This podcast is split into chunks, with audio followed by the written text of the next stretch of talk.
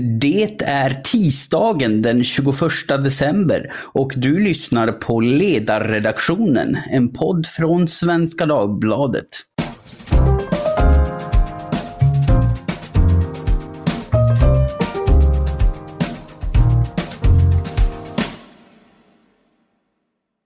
Jag heter Jesper Sandström och jag är förstås glad att ha med dig här som lyssnare denna strålande tisdags eftermiddag. Strålande säger du frågande. Ja, vi spelar in på årets mörkaste dag. Här i Luleå så gick solen ned för nästan tre och en halv timme sedan efter att knappt ha gått upp. Men strålande ska det bli ändå har vi tänkt, för vi ska nämligen tala kärnkraft hur framtiden för kärnkraften ser ut, vilken roll den har i ett allt mer elberoende samhälle och så vidare. Och den som ska upplysa mig och oss i det här ämnet är professor Janne Wallenius, kärnfysiker vid Kungliga Tekniska Högskolan och VD för företaget LED Cold Reactors. Hej Janne!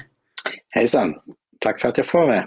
Ja, kul att ha dig med. Vi går väl i sedvanlig ordning rakt på de stora och svåra frågorna. Och om vi, om vi börjar väldigt brett, varför ska vi ha kärnkraft? Ja, kärnkraft är ett väldigt eh, effektivt sätt att producera energi och elektricitet på. Eh, det krävs, det krävs väldigt lite materialresurser och, och kärnkraften kan ju förstås eh, producera när det finns behov av elektricitet. Ja, det, det, låter ju bra, men vad svarar man åt dem som likt exempelvis vår miljöminister Strandhäll eh, ganska kategoriskt menar att eh, kärnkraften inte har någon framtid och att vi klarar oss fint med andra kraftslag? Ja, alltså det finns ju studier som visar att, att eh, i teorin så skulle vi klara oss med, med 100 eh, förnybart förnybar elproduktion i Sverige. Eh, men eh, det här kommer ju att kosta oerhörda mängder i form av behovet att bygga ny överföringskapacitet, att bygga ny lagringskapacitet. Och, eh, och, och dessutom kommer vi ju då trots detta se stora fluktuationer i elpriserna som, som leder till ökade riskpåslag. Så, och, och gör man noggranna studier av det så ser man att det finns en, en optimal blandning av vattenkraft, vindkraft och kärnkraft. Så vi behöver ha alla tre eh, kraftslagen i Sverige för att få det bästa möjliga elsystemet.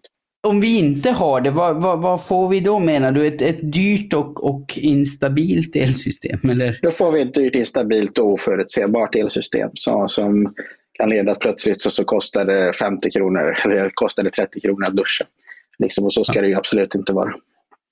Och om eh, en del av svaret på framtidens energifråga då är kärnkraft, ja hur ser framtiden för kärnkraft ut? Alltså ett, ett vanligt motargument är ju att det tar för lång tid. Att, ja visst, vi skulle väl eventuellt kunna eh, dra nytta av den här tekniken men den ligger för långt bort i tid för att det ska vara värt att överhuvudtaget eh, satsa på den. Vad, vad, vad svarar man på det?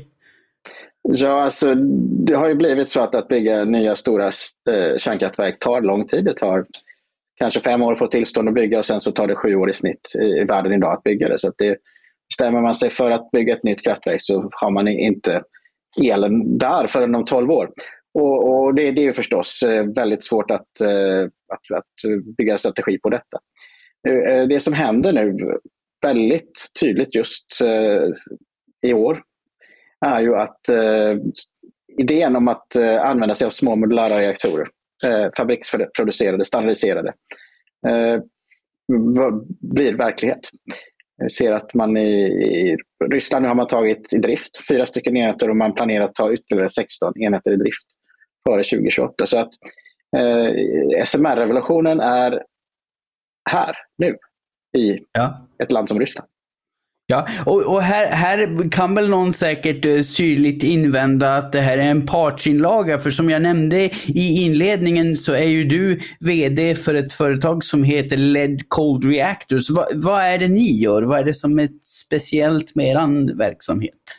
Ja, det är ett företag som jag grundade med ett, eh, ett par kollegor från KTH för åtta år sedan och eh, vi utvecklar små blykylda reaktorer som ska kunna tillverkas i en automatiserad fabrik. Och då ska vi kunna eh, förkorta den tid det tar från att man beställer en reaktor till att den är i drift då från totala 12 år ner till eh, 2 år idag.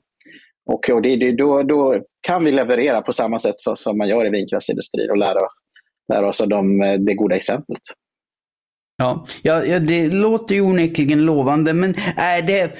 För du, du sa att revolutionen är här. Alltså är, är det här så att säga verklighet redan idag eller, eller är det en massa saker vi har kvar att klura ut innan, vi kan, innan ni kan börja göra det ni vill? Ja, den är här i Ryssland idag och eh, 2028 kommer man kunna beställa från Ryssland. Men samtidigt så vill vi visa med, med ny svensk teknik att vi kan bli eh, konkurrenskraftiga på, på den här marknaden. Att vi ska kunna ha, eh, ha ny, spännande och eh, mycket eh, kapabel kärnkraftsteknik eh, eh här i Sverige. Det talas ju mycket om den fjärde generationens kärnkraft som väl är svårt för en lekman att förstå vad det är kanske. Om du, om du ska upplysa de av våra läsare som inte är professorer i kärnfysik om vad den fjärde generationens kärnkraft är för någonting. Hur? Ja, fjärde generationens kärnkraft ska förutom att, att eh, producera el på ett säkert och tillförlitligt sätt som alla andra kärnkraftverk eh, gör så ska man även kunna återanvinna eh, eh, äh, det använda bränslet och köra på, på, på kärnavfall i princip. Och då, och då, kan man, eh, då ökar man ju tillgängligheten till kärnbränsle från hundratalet år till tiotusentals år. Och samtidigt så minskar man den tid som krävs för att förvara resterande avfallet eh, från hundratusen år ner till kortare tid än tusen år. Eh, så eh, det, det, finns, det är vad man menar med fjärde generationens kärnkraft. Eh, jag har forskat om det i 20-talet år, särskilt blykylda generation 4-reaktorer. Ja, vi har kommit fram till att den här tekniken fungerar. Den är, den är mogen för, för att användas. Och i Ryssland har, bygger man faktiskt idag världens första generation 4-reaktor. Och den kommer att tas i drift om fem år. Eh, så på samma sätt är det så att, att generation 4, som man pratat om väldigt länge, är faktiskt här väldigt snart. Det som är dilemmat med generation 4 är att det är dyrare att, att köra kärnkraftverk på återvunnet kärnavfall än att köra på anrikat uran. Så det här kommer inte på rent kommersiella grunder att eh, introduceras i, i avregler, på avreglerade marknader så, som Sverige. Utan vad vi tänker oss nu är att ta ett mellansteg. Vi introducerar blykylda Eh, generation 3-reaktorer som producerar el på ett eh, säkert sätt eh, men fortfarande använder sig av det klassiska uranbränslet. Sen på lite längre sikt så kommer de här reaktorerna, de små blåkylda reaktorerna, kommer att kunna återvinna sitt eget kärnavfall och då kommer vi kunna gå in i fjärde generationens kärnkraft. Men det ligger eh, i Sverige lite längre bort, då, även om generation 4 eh, kommer att finnas i Ryssland om fem år. Ja, och, och med, med, lite längre bort, vad, vilka, vilka tidsrymder pratar vi om där mellan tummen och pekfingret? Ja, då är det, okay, det är flera decennier bort, så att, eh, runt, okay. runt 20, 20, bortom 2050. Men, men, men, det som är jättespännande nu är att den här SMR-tekniken fullständigt exploderar världen runt. Så att, eh, så att eh, det är inte bara i Ryssland utan nu ska man bygga eh, det här i Rumänien, man ska bygga det i Kanada och eh, Blykalla, mitt spinatföretag, siktar på att eh, bygga det här i Sverige då, tillsammans med eh, Uniper i Oskarshamn eh, om tio år. Ja, eh, och, och ser ni, alltså Tror ni att ni har goda förutsättningar eh, att göra verklighet av det här i Sverige eller är det någonting liksom politiskt villkorsmässigt som behöver ändras för att det ska kunna bli verklighet av det? Ja, för att det här ska bli kommersiellt intressant och användbart för i det svenska energisystemet så behöver man då ta bort begränsningen om att bygga, eh, bara kunna ha tio stycken kärnkraftsreaktorer i drift i Sverige. Det är en viktig begränsning och eh, den, eh, den måste tas bort. då. Är det något annat som behöver ändras för att det ska bli gångbart med ny kärnkraft? Eller är det bara den liksom, begränsningen av antalet reaktorer som Ja, alltså idag finns det bara tre platser man kan bygga ny kärnkraft på. Det, till en början räcker det. Liksom, det. Det här är ju de bästa platserna att placera ny kärnkraft på också. Sen finns det ett stort behov av, av ny elproduktion uppe i Norrland eh, när man ska producera koldioxidsnålt eh, stål.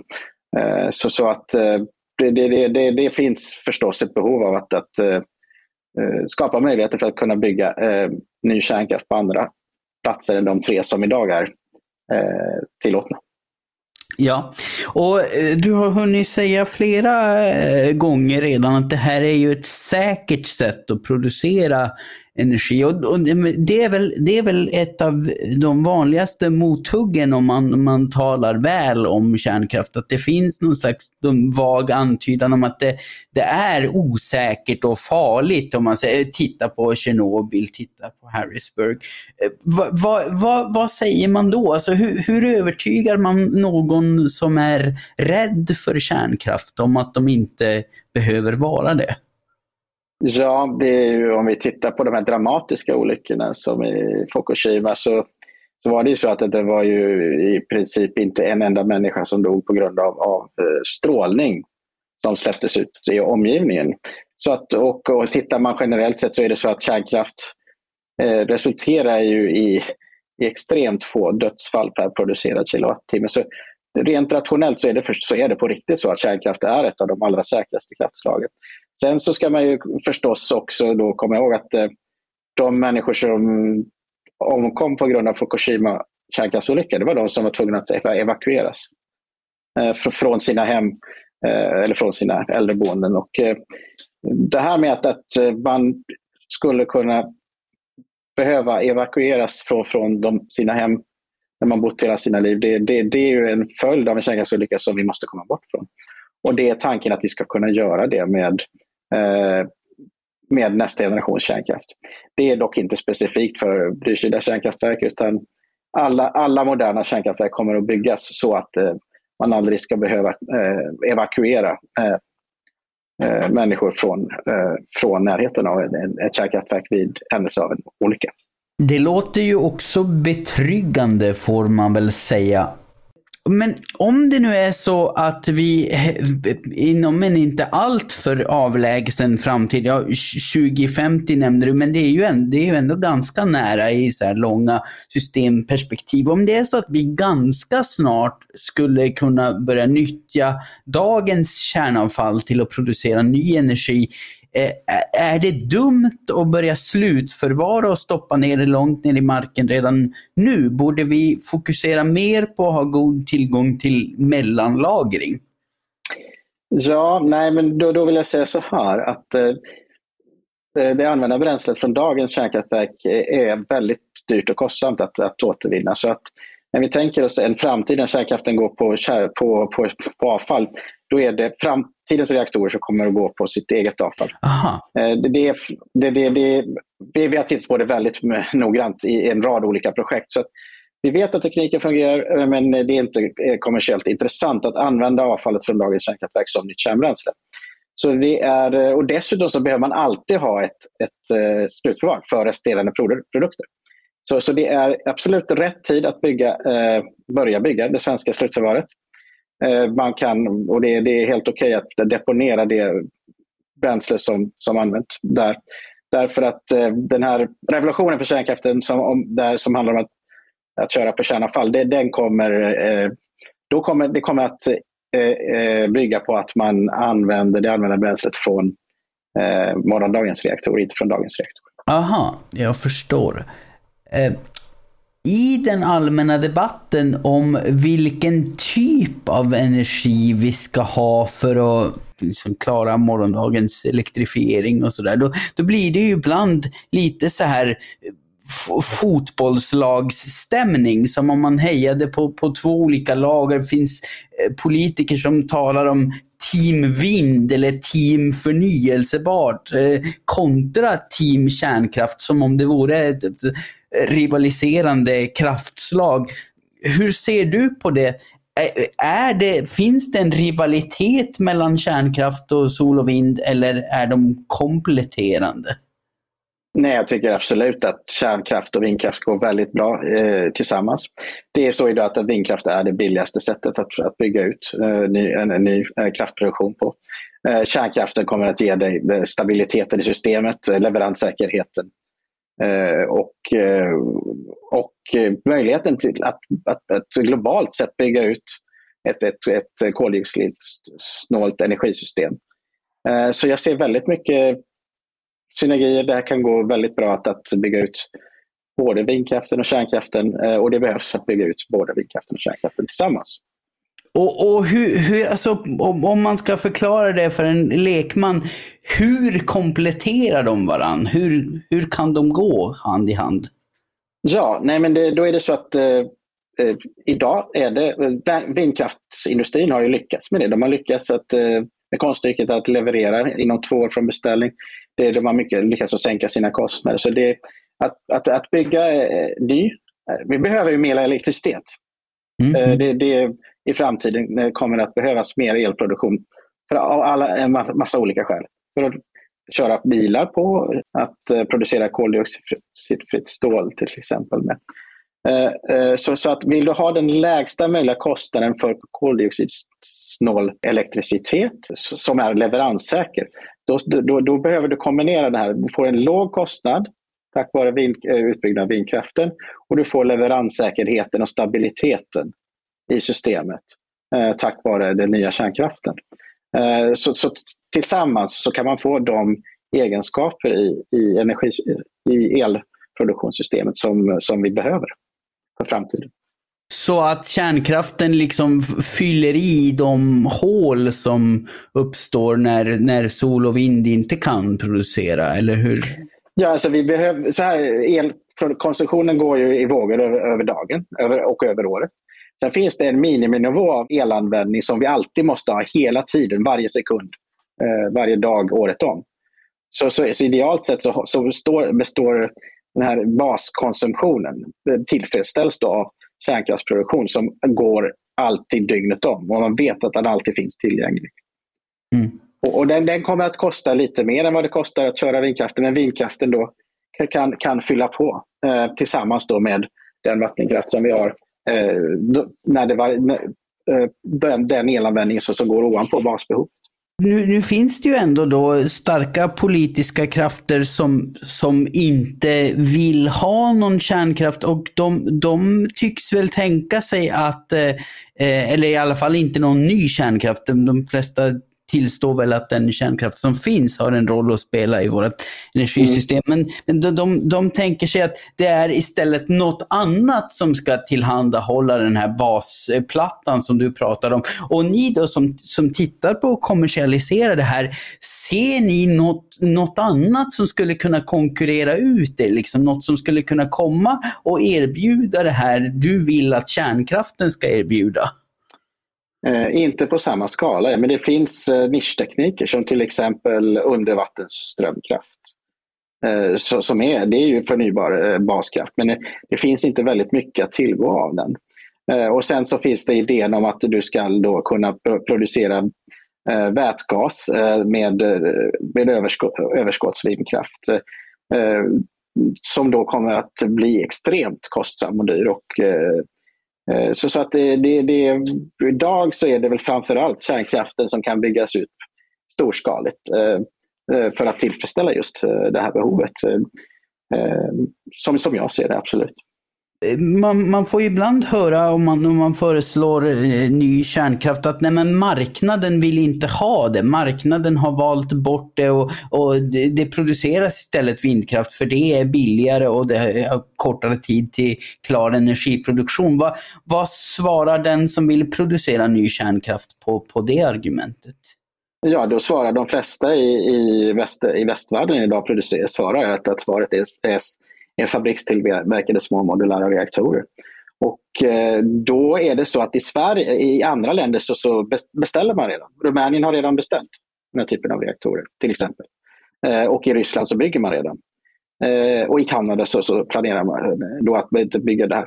Så, så att, det, att, att, ing, att marknaden i Sverige inte har tagit samma steg ännu, det är ju exakt för att vi har den där begränsningen i antalet reaktorer. Så det, här måste det till Eh, en lagändring. Här måste politikerna eh, göra det möjligt eh, för, för marknaden att kunna beställa nya reaktorer. Ett annat mothugg, då, det blir många mothugg här, men jag tänker att vi måste gå igenom dem för annars så kommer vi få en massa arga mejl eh, där folk säger att men varför frågar du inte om det där?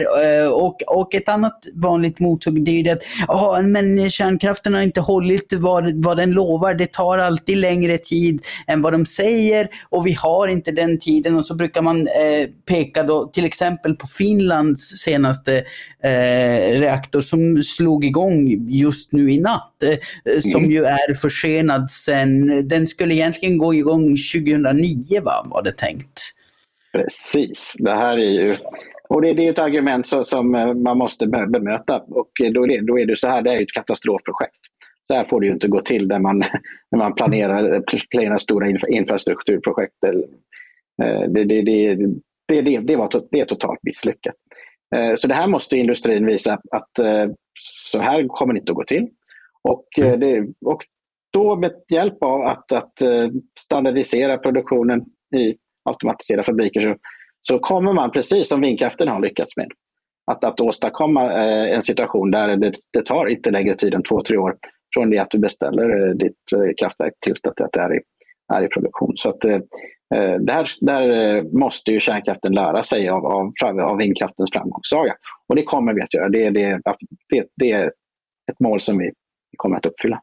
Har ni identifierat några särskilda fallgropar? Alltså no någonting där ni ser att, för, för du, det här pratar du om din målbild, att ja, ni ska bli som eh, lika bra på standardisering och snabb eh, produktion som eh, vindkraftsproducenterna. Men har ni identifierat några särskilda hinder på vägen mot det målet? Det, det finns ju eh, frågetecken om vad som händer om man har en massa små reaktorer på samma plats. Och, eh, om en reaktor skulle få, få ett problem, kan man då köra vidare alla de andra reaktorerna?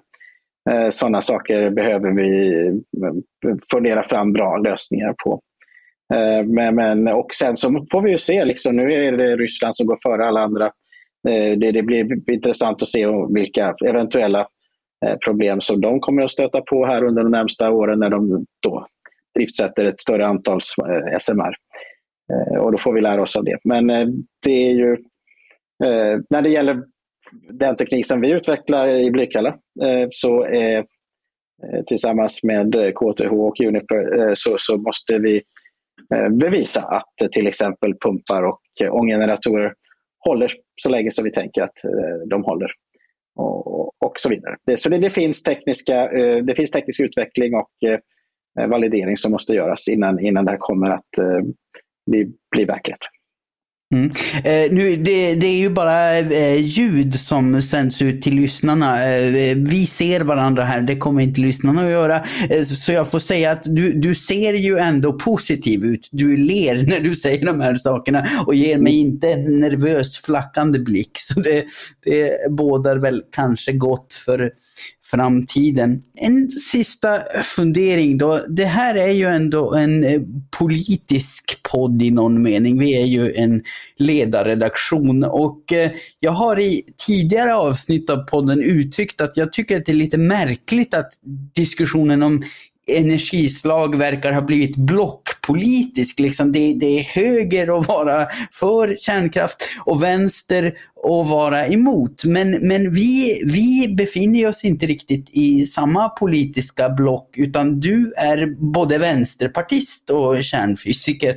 Har du några reflektioner kring den här uh, uppdelningen? Är den en realitet och vad, tror du att det finns något särskilt man kan göra för att komma runt partipolitiska låsningar i diskussionen om vårt energisystem?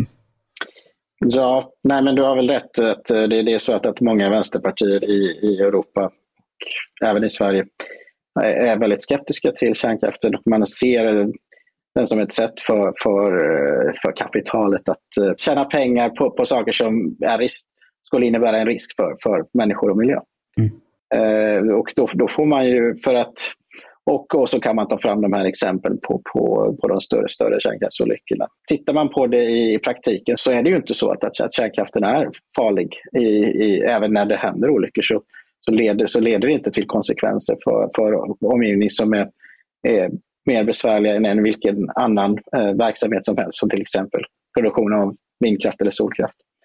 Eh, eh, och eh, det här dilemmat med att kärnkraftsavfallet är farligt under så lång tid, det, det, där har vi tagit fram, jag och mina kollegor tagit fram lösningar som åtminstone tekniskt sett fungerar bra. Och, och vill man att de ska hända på ett kortare sikt så kan man ju göra som eh, eh vänsterregeringen har gjort många gånger, att man kan subventionera den, den, just den här tekniken för att återvinna kärnavfallet. Eh, mm. Så att, och jag hoppas att eh, den svenska vänstern kan, eh, kan nyansera och förändra sin uppfattning i den här frågan. Det tror jag vore bra för alla i Sverige. Även eh, de människor som eh, traditionellt sett eh, sympatiserar med vänster. Ja, tror du att det bottnar i, alltså, i just den här bilden av att det är kapitalet som berikar sig medan de som producerar sol och vind det är små och självständiga uppstickare men, men kärnkraft det är, det är stora och läskiga industrier? Eller vad, vad tror du att den är? Jag tror att det ligger någonting i det, tyvärr. Ja, då, då hoppas vi att vi kommer bort ifrån det. Eh, förhoppningsvis eh, både en och annan vänsterperson som lyssnar på den här podden trots att den kommer från eh, det borgerliga lilla näste som är Svenska Dagbladets ledarredaktion. Det är ju ändå eh, julvecka och man kan väl pigga upp på denna årets mörkaste dag kanske genom att vara lite mer lättsam än normalt. Förr i tiden när jag då och då ledde sista podden före helg så brukade jag på sånt casual friday maner klämma in ett musiktips eller två. Och nu är det ju bara tisdag men när jag bakgrundskollade dig inför podden så hittade jag en intervju där du i en liten faktaruta hade fått ange intressen sådär som man gör. Eh, och då sa du kort och gott hårdrock. Eh, så vilken hårdrock skulle du vilja tipsa ledarredaktionens lyssnare om så här i signad adventstid? ja, ja, men eh, då får vi väl eftersom vi ska fresta med lite kärnkraft så får det bli någon låt med Within Temptation då. En fantastisk symfonisk hårdrocksgrupp från från Nederländerna. Så, så eh, ja, vilken låt av Within Temptation eh, skulle passa bra? Faster. Faster med Within Temptation alltså. Då får vi höra några sekunder av den.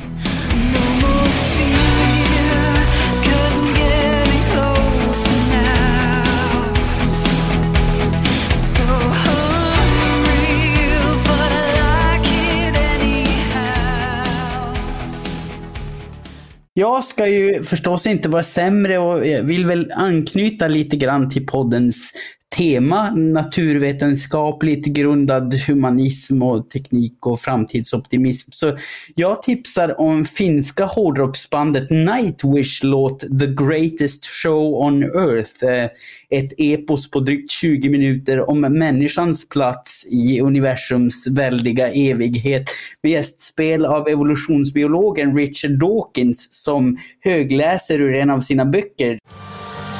Those unborn ghosts include greater poets than Keats, scientists greater than Newton. We know this because the set of possible people allowed by our DNA so massively exceeds the set of actual people. In the teeth of these stupefying odds, it is you and I in our ordinariness that are Det var väl för övrigt extra passande med just finsk hårdrock i denna podd denna dag eh, när Olkiluoto 3, landets första nya kärnkraftverk på 40 år, togs i drift natten mot idag som vi nämnde här tidigare i podden. Men med de orden och tonerna så får jag säga tack till Janne Valenius, professor i kärnfysik vid KTH. Tackar så jättemycket för att jag fick vara med. Tack också till alla som har lyssnat. Har ni några hårklyverier eller andra klyverier ni vill dryfta med oss eller tipsa oss om så görs det lämpligast på mejladressen ledarsidan svd.se.